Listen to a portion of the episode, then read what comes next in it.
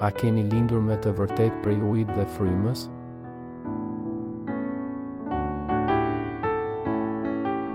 Paul Sajon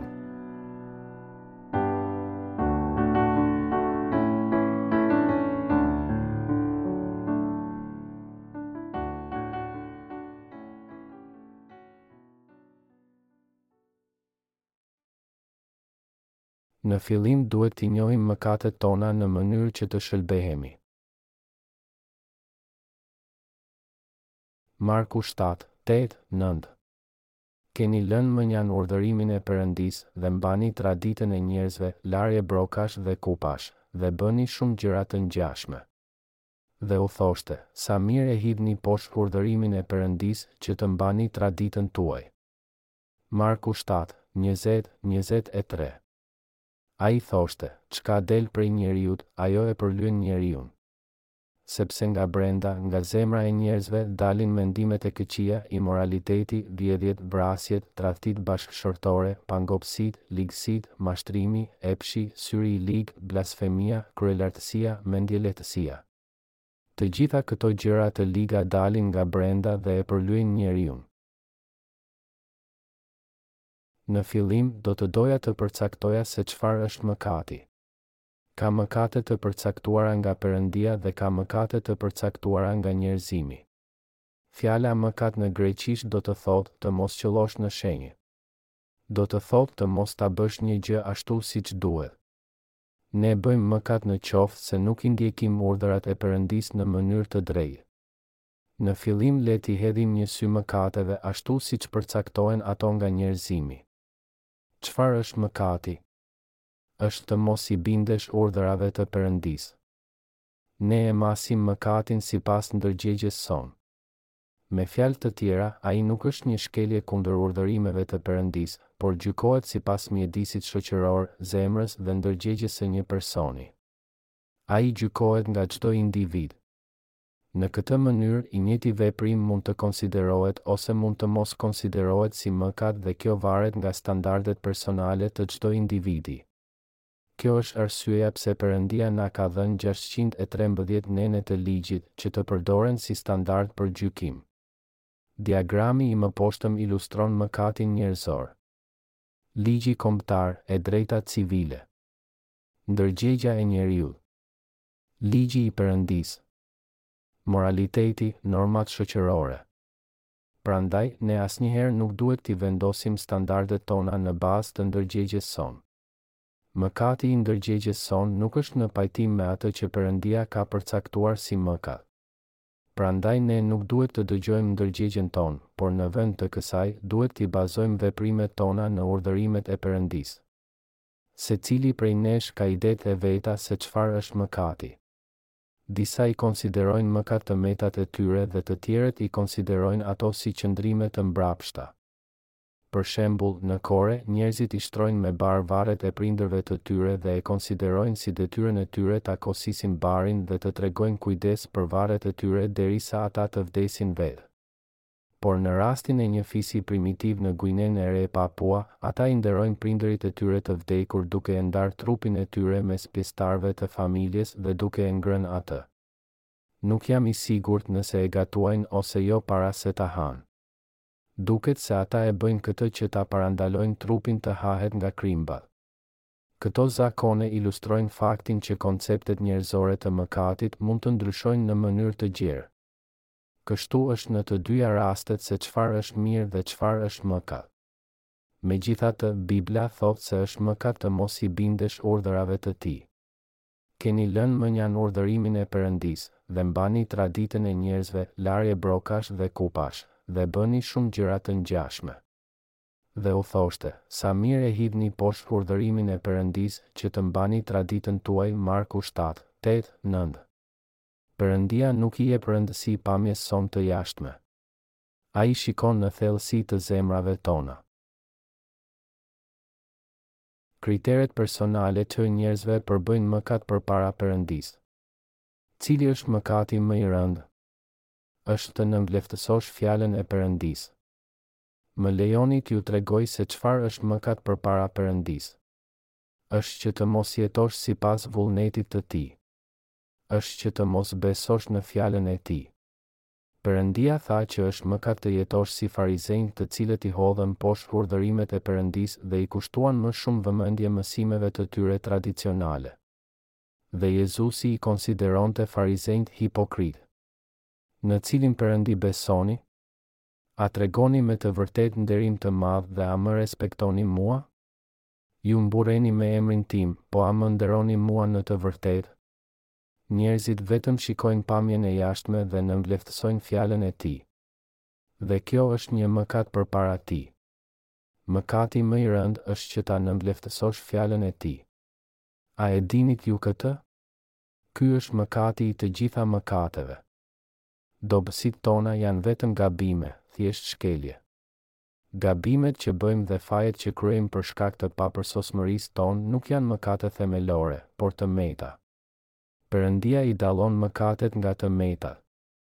Ata që shpërfillin fjalën e Tij janë mëkatarë madje edhe nëse nuk kanë të meta. Ata janë mëkatarë të mëdhenj përpara Perëndisë. Kjo është arsyeja që Jezusi i qortoi farisenjtë. Në Pentateuk, pesë librat e parë në Bibël të shkruara nga Moisiu, që nga Zanafilla e deri tek Ligji i Përtërirë, gjenden urdhërime që na tregojnë çfarë të bëjmë dhe çfarë të mos bëjmë. Ato janë fjalët e Perëndisë, urdhërimet e Tij. Ne mund të mos jemi në gjendje për t'i mbajtur ato njëqind, ose mund të mos jemi në gjendje për të mbajtur asnjërën nga ato, por ne duhet t'i njohim ato si urdhërimet e Tij. Ai na i ka dhënë ato që nga fillimi dhe ne duhet t'i pranojmë si të tilla. Në fillim Perëndia krijoi qiejt dhe tokën. Pastaj ai tha, U bëftë drita. Dhe drita u bë. Ai krijoi gjithçka. Dhe ai themeloi ligjin. Dhe Fjala u bë mish dhe banoi ndër ne dhe ai është Fjala, Gjoni një, një, katërmbëdhjetë.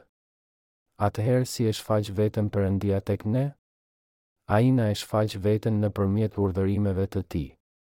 Perëndia është Fjala dhe Ai e shfaq veten nëpërmjet urdhërimeve. Perëndia është Fryma. Dhe çfarë e quajmë ne Biblën? Ne e quajmë Fjalën e Perëndisë. Këtu është thënë, Keni lënë mënjanë urdhërimin e Perëndisë dhe mbani traditën e njerëzve. Këto janë gjashtëqind e trembëdhjetë nene të Ligjit të Tij. Bëj këtë, por mos bëj atë, nderoji prindërit e tu. Etj. Tek Levitiku thuhet gratë duhet të bëjnë kështu dhe burrat duhet të bëjnë kështu dhe se çfarë duhet bërë kur një kafshë shtëpiake bie në hendek. Këto janë gjashtëqind e trembëdhjetë nene të tilla, ligji i tij. Meqenëse ato nuk janë fjalët e një qenieje njerëzore, ne duhet të mendojmë rreth tyre vazhdimisht.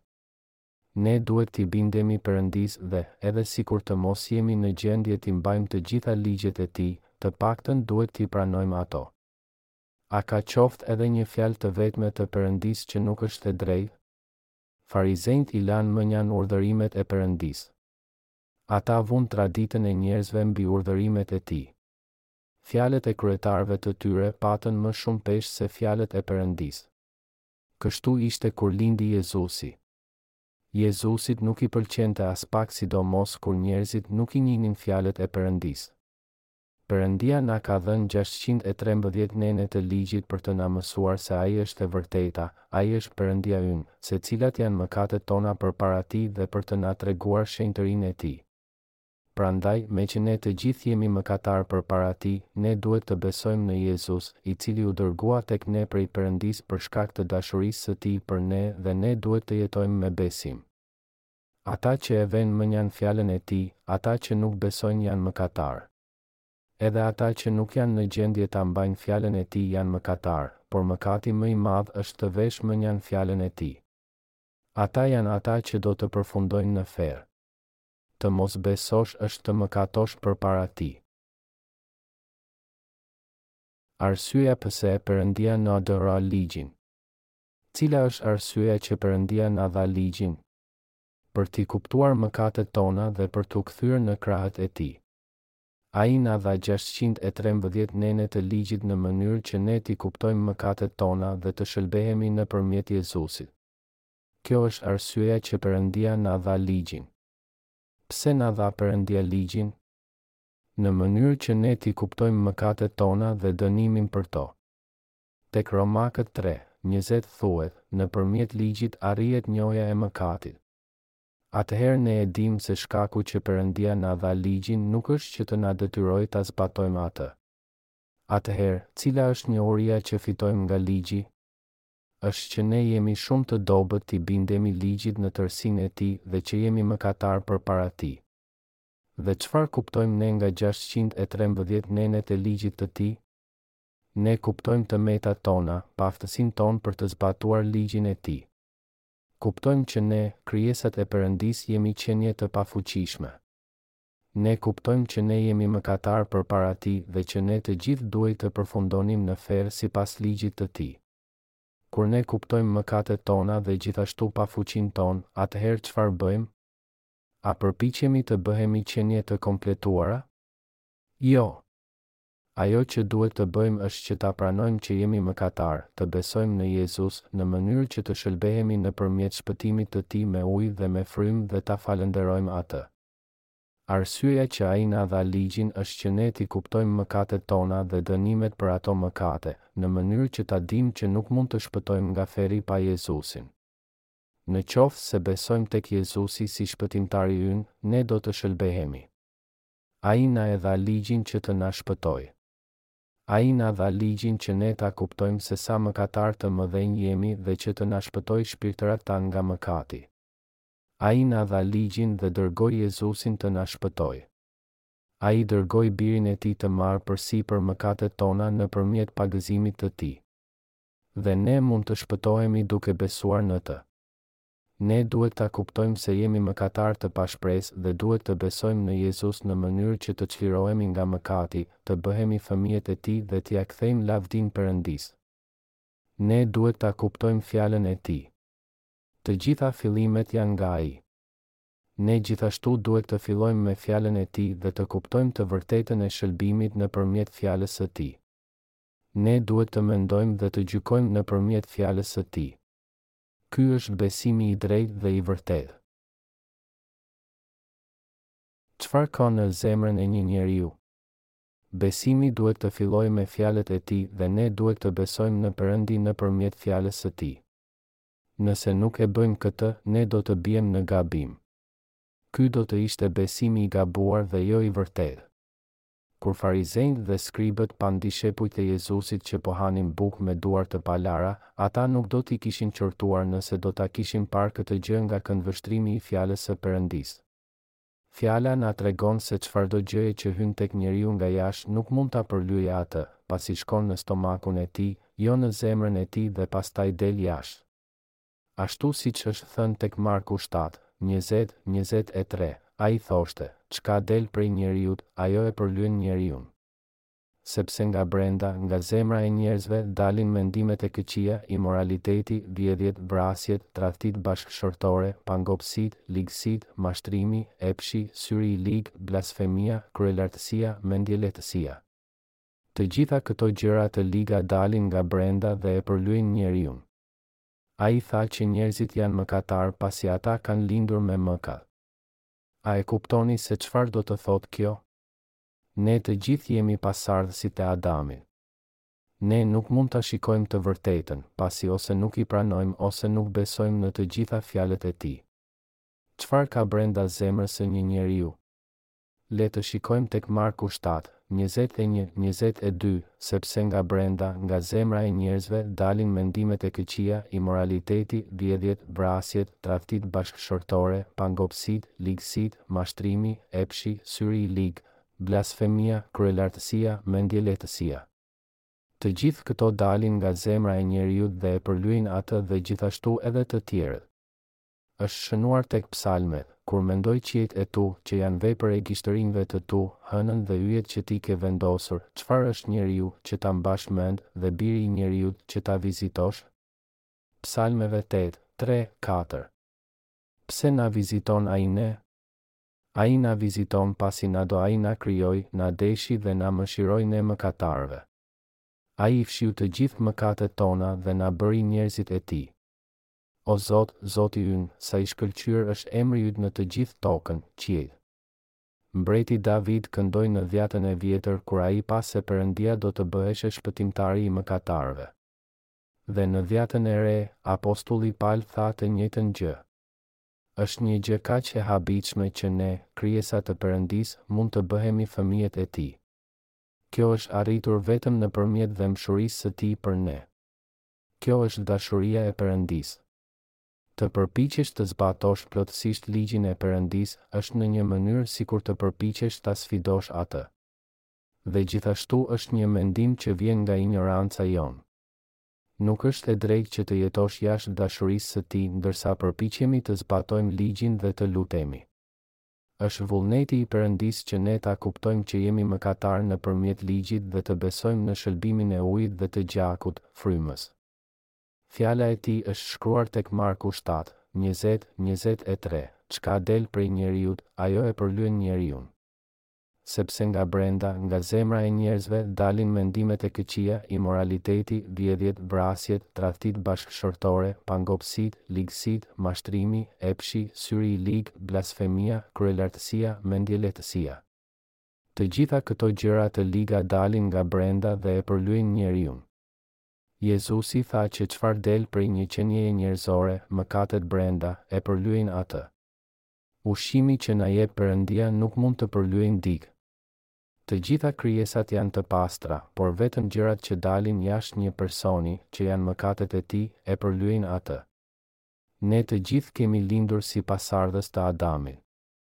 Atëherë, në ç'mënyrë kemi lindur? Ne kemi lindur me dymbëdhjetë lloje mëkatesh. A nuk është e vërtetë kjo? Atëherë, a mund të jetojmë pa mëkat? Ne do të vazhdojmë të mëkatojmë pasi kemi lindur me mëkat. A mund ta ndalojmë veten nga mëkatimi vetëm sepse e njohim ligjin? A mund t'u përmbahemi urdhërimeve? Jo. Sa më shumë të përpiqemi, aq më e vështirë bëhet.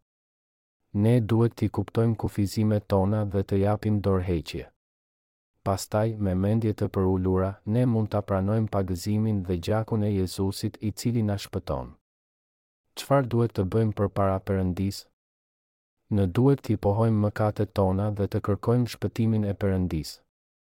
Të gjashtëqind e trembëdhjetë artikujt e Ligjit janë të vërteta dhe të drejta. Por njerëzit janë mëkatarë që nga koha që ata u ngjizën në barkun e Nënës. Kur ne arrijmë ta kuptojmë se ligji i Perëndisë është i drejtë, por që ne kemi lindur mëkatarë të cilët asnjëherë nuk mund të arrijnë të bëhen të drejtë vetë, ne gjithashtu kuptojmë se kemi nevojë për dhembshurinë e Perëndisë dhe se kemi nevojë të shpëtohemi me anë të shëlbimit të Jezusit në ujin, gjakun dhe frymën. kur ne i kuptojmë kufizimet tona që ne nuk mund të bëhemi të drejtë vetë dhe që do të shkojmë në ferr për shkak të mëkateve tona, nuk kemi asnjë rrugëdalje tjetër përveçse t'i varim shpresat në shëlbimin e Jezusit.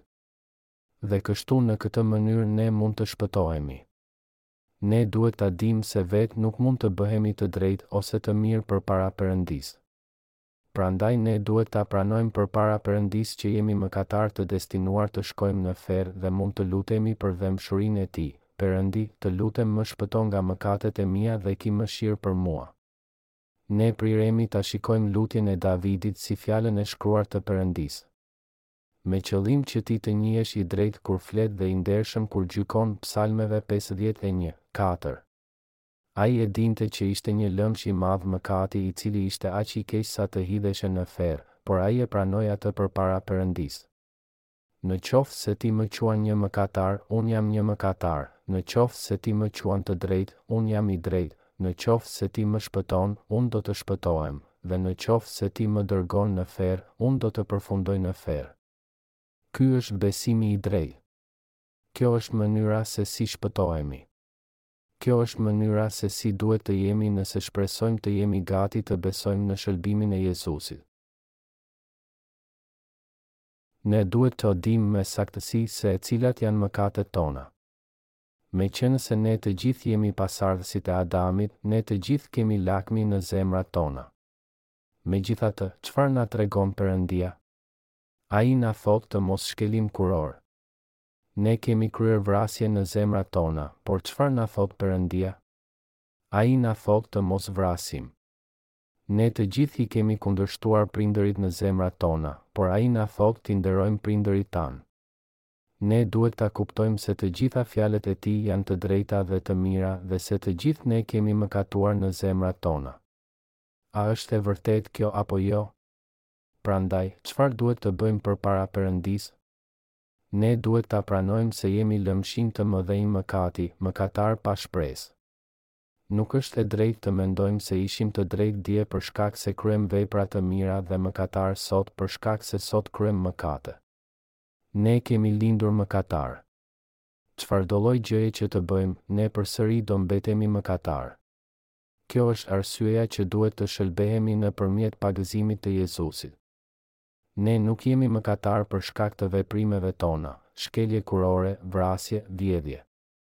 Por jemi mëkatarë pasi kemi lindur mëkatarë. Ne kemi lindur me dymbëdhjetë lloje mëkatesh. Meqenëse kemi lindur mëkatarë në sytë e Perëndisë, ne asnjëherë nuk mund të bëhemi të mirë vetëm me anë të përpjekjeve tona. Ne vetëm mund të pretendojmë se jemi të mirë. Ne kemi lindur me mendje të mbushura plot me mëkate të tilla si vrasje, vjedhje, etj. Atëherë, si mund të bëhemi të drejtë, pasi në të vërtetë, ne nuk i kryejmë këto mëkate? Ne asnjëherë nuk mund të bëhemi vetë të drejtë përpara Perëndisë. Nëse pretendojmë se jemi të drejtë, kjo është hipokrizi. Jezusi i quajti farizenjtë dhe skribët, farizenjtë dhe skribët hipokritë. Njerëzit kanë lindur mëkatarë. Ata mëkatojnë përpara Perëndisë gjatë gjithë jetës së tyre. Të gjithë ata që pretendojnë se as nuk janë zënë ose nuk kanë qëlluar ndonjë, as nuk kanë vjedhur qoftë edhe një gjilpër nga ndonjë njeri tjetër gjatë gjithë jetës së tyre, ata gënjejnë, pasi njerëzit kanë lindur mëkatarë. Ai që thotë këtë është një gënjeshtar, mëkatar dhe hipokrit. Kjo është mënyra se si e shikon Perëndia atë. Ti je një mëkatar i lindur. Edhe pse nuk kryen as edhe një mëkat do të shkosh në ferr. Edhe pse në përgjithësi e ke zbatuar ligjin dhe shumicën e urdhërimeve, përsëri mbetesh një mëkatar dhe je i destinuar të shkosh në ferr. Atëherë çfarë duhet të bëjmë në praninë e një fati të tillë? Ne duhet të kërkojmë për dhembshurinë e Tij dhe të varemi tek Ai për të shpëtuar nga mëkatet tona. Në qoftë se Ai nuk na shpëton, nuk kemi asnjë rrugëdalje tjetër përveçse të shkojmë në ferr. Ky është fati ynë. Ata që e pranojnë Fjalën e Tij gjithashtu pohojnë se në të vërtetë janë mëkatarë. Dhe gjithashtu ata e dinë se ata janë të drejtët. Në këtë mënyrë ata e dinë që hedhja mënjanë e Fjalës së Tij pa e njohur Fjalën e Tij është mëkat. Ata që e pranojnë fjalën e tij janë të drejtët, edhe pse më parë ishin mëkatarë. Ata kanë lindur përsëri nëpërmjet fjalës së tij dhe marrin mëshirën e tij. Ata janë më të bekuarit. Ata që përpiqen të shëlbehen nëpërmjet veprave të tyre përsëri mbeten mëkatarë. Kush mbeten përsëri mëkatarë edhe pasi ata besojnë në Jezus? Ata që përpiqen të shëlbehen nëpërmjet veprave të tyre. Le të shikojmë Galatasve tre, dhjetë dhe njëmbëdhjetë, Të gjithë ata që mbështeten në veprat e ligjit janë nën mallkim, sepse është shkruar, I mallkuar është cilido që nuk u përmbahet të gjitha atyre që janë shkruar në librin e ligjit, për t'i vënë ato në jetë. Pra është e qartë që asnjë nuk justifikohet nga ligji në syrin e Perëndisë, pasi të drejtët do të jetojnë me anë të besimit. Është thënë se i mallkuar është cilido që nuk u përmbahet të gjitha atyre që janë shkruar në librin e ligjit, për t'i vënë ato në jetë. Ata që besojnë në Jezus, por përpiqen të justifikohen me anë të punëve të tyre, janë të mallkuar. Ku janë ata që po përpiqen të justifikohen nëpërmjet veprave të tyre? Ata janë nën mallkimin e Perëndisë. Pse na dha Perëndia ligjin?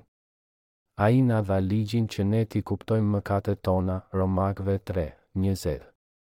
Që ne ta kuptojmë se jemi tërësisht mëkatarë dhe që jemi të destinuar të shkojmë në ferr.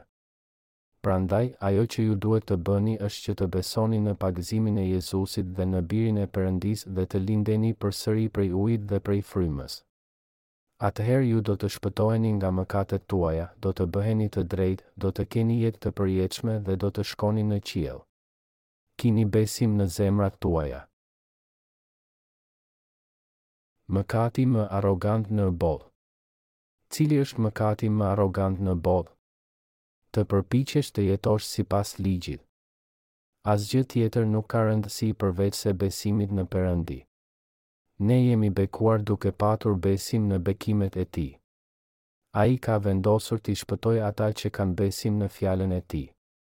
Por sot, mes atyre që besojnë, ka shumë që përpiqen të jetojnë sipas ligjit të Tij. Shumica e të krishterëve janë të tillë. Është një gjë e lavdërueshme që ata përpiqen të jetojnë sipas ligjit, por si është e mundur kjo? Ne duhet ta kuptojmë se sa pa mend është që të përpiqesh të jetosh ligjin e Tij. Sa më shumë të përpiqemi, aq më e vështirë bëhet. Ai tha, Besimi vjen nga dëgjimi dhe dëgjimi nga fjala e Perëndisë. Ne kemi nevojë ta dëbojmë arrogancën tonë në mënyrë që të shpëtohemi. Ne duhet të heqim dorë nga standardet tona që të shpëtohemi. Çfarë duhet të bëjmë që të shpëtohemi? Ne duhet të heqim dorë nga standardet tona. Si mund të shpëtohen njerëzit? Në faktin që ata ta dinë që vetë janë mëkatarë. Ka shumë që nuk janë shëlbyer pasi ata nuk mund të heqin dorë nga besimet dhe përpjekjet e tyre të gabuara. Perëndia thotë që ata që nuk i ndahen librit të ligjit janë të mallkuar. Ata që besojnë se ata mund të bëhen të drejtë gradualisht, ndërsa vazhdojnë të besojnë në Jezus dhe përpiqen t'i përmbahen ligjit, janë nën mallkimin e tij. Ata besojnë në Perëndi, por përsëri mendojnë se ata duhet të jetojnë sipas ligjit në mënyrë që të shpëtohen. I dashur mik, a mund të bëhemi të drejtë nëpërmjet veprave tona ndërsa jemi akoma gjallë? Ne bëhemi të drejtë vetëm duke besuar në Fjalën e Jezusit dhe vetëm atëherë do të shëlbehemi. Ne shëlbehemi vetëm duke patur besim në pagëzimin e Jezusit, gjakun e Tij dhe në faktin që Jezusi është Perëndia. Kjo është arsyeja që Perëndia ka përgatitur ligjin e besimit për ne si një mënyrë për t'u bërë të drejtë. Shëlbimi nëpërmjet ujit dhe frymës nuk mbështetet në veprat e njerëzve, por në besimin e të besuarit në fjalën e Perëndisë.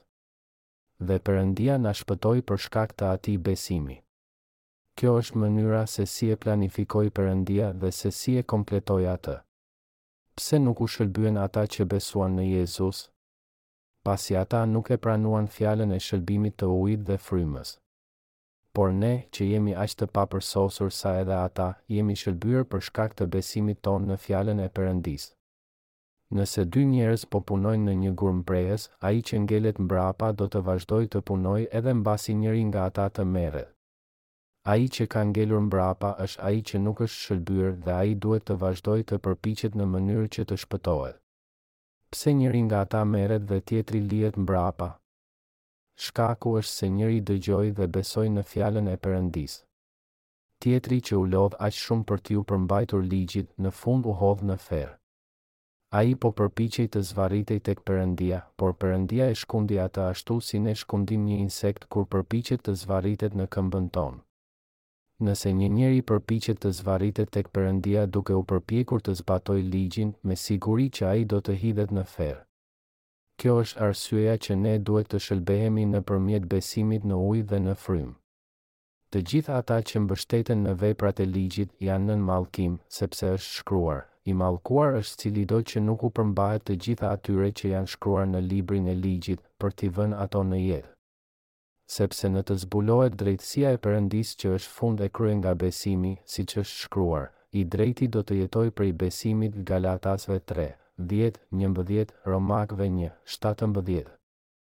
Mosbesimi në Fjalën e Perëndisë është një mëkat përpara Perëndisë. Si shtesë, është mëkat gjithashtu ta hedhësh mënjanë Fjalën e Perëndisë sipas standardeve personale të një individi.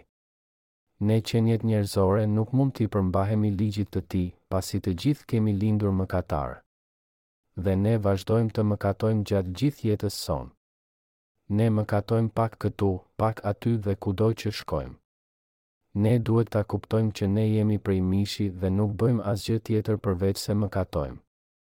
Një qenie njerëzore është si një pirg i madh plehu. Nëse përpiqemi ta mbajmë me vete kudo që shkojmë, do të përfundojmë duke e derdhur atë gjatë rrugës. Ne jemi të tillë. Ne vazhdojmë të derdhim mëkat kudo që shkojmë. A mund ta përfytyroni këtë? A do të vazhdonit ende të pretendoni se jeni i shenjtë? Nëse do ta shikonit veten në mënyrë të qartë, ju do të ndalonit duke u përpjekur më kot të bëheshit i shenjtë dhe do të besonit në ujin dhe në gjakun e Jezusit. Ne duhet ta dëbojmë kokëfortësinë tonë dhe ta pranojmë që jemi mëkatarë përpara Perëndisë. Pastaj duhet të kthehemi përsëri tek Fjala e Tij dhe të rizbulojmë se si Ai na shpëtoi me ujë dhe me frymë.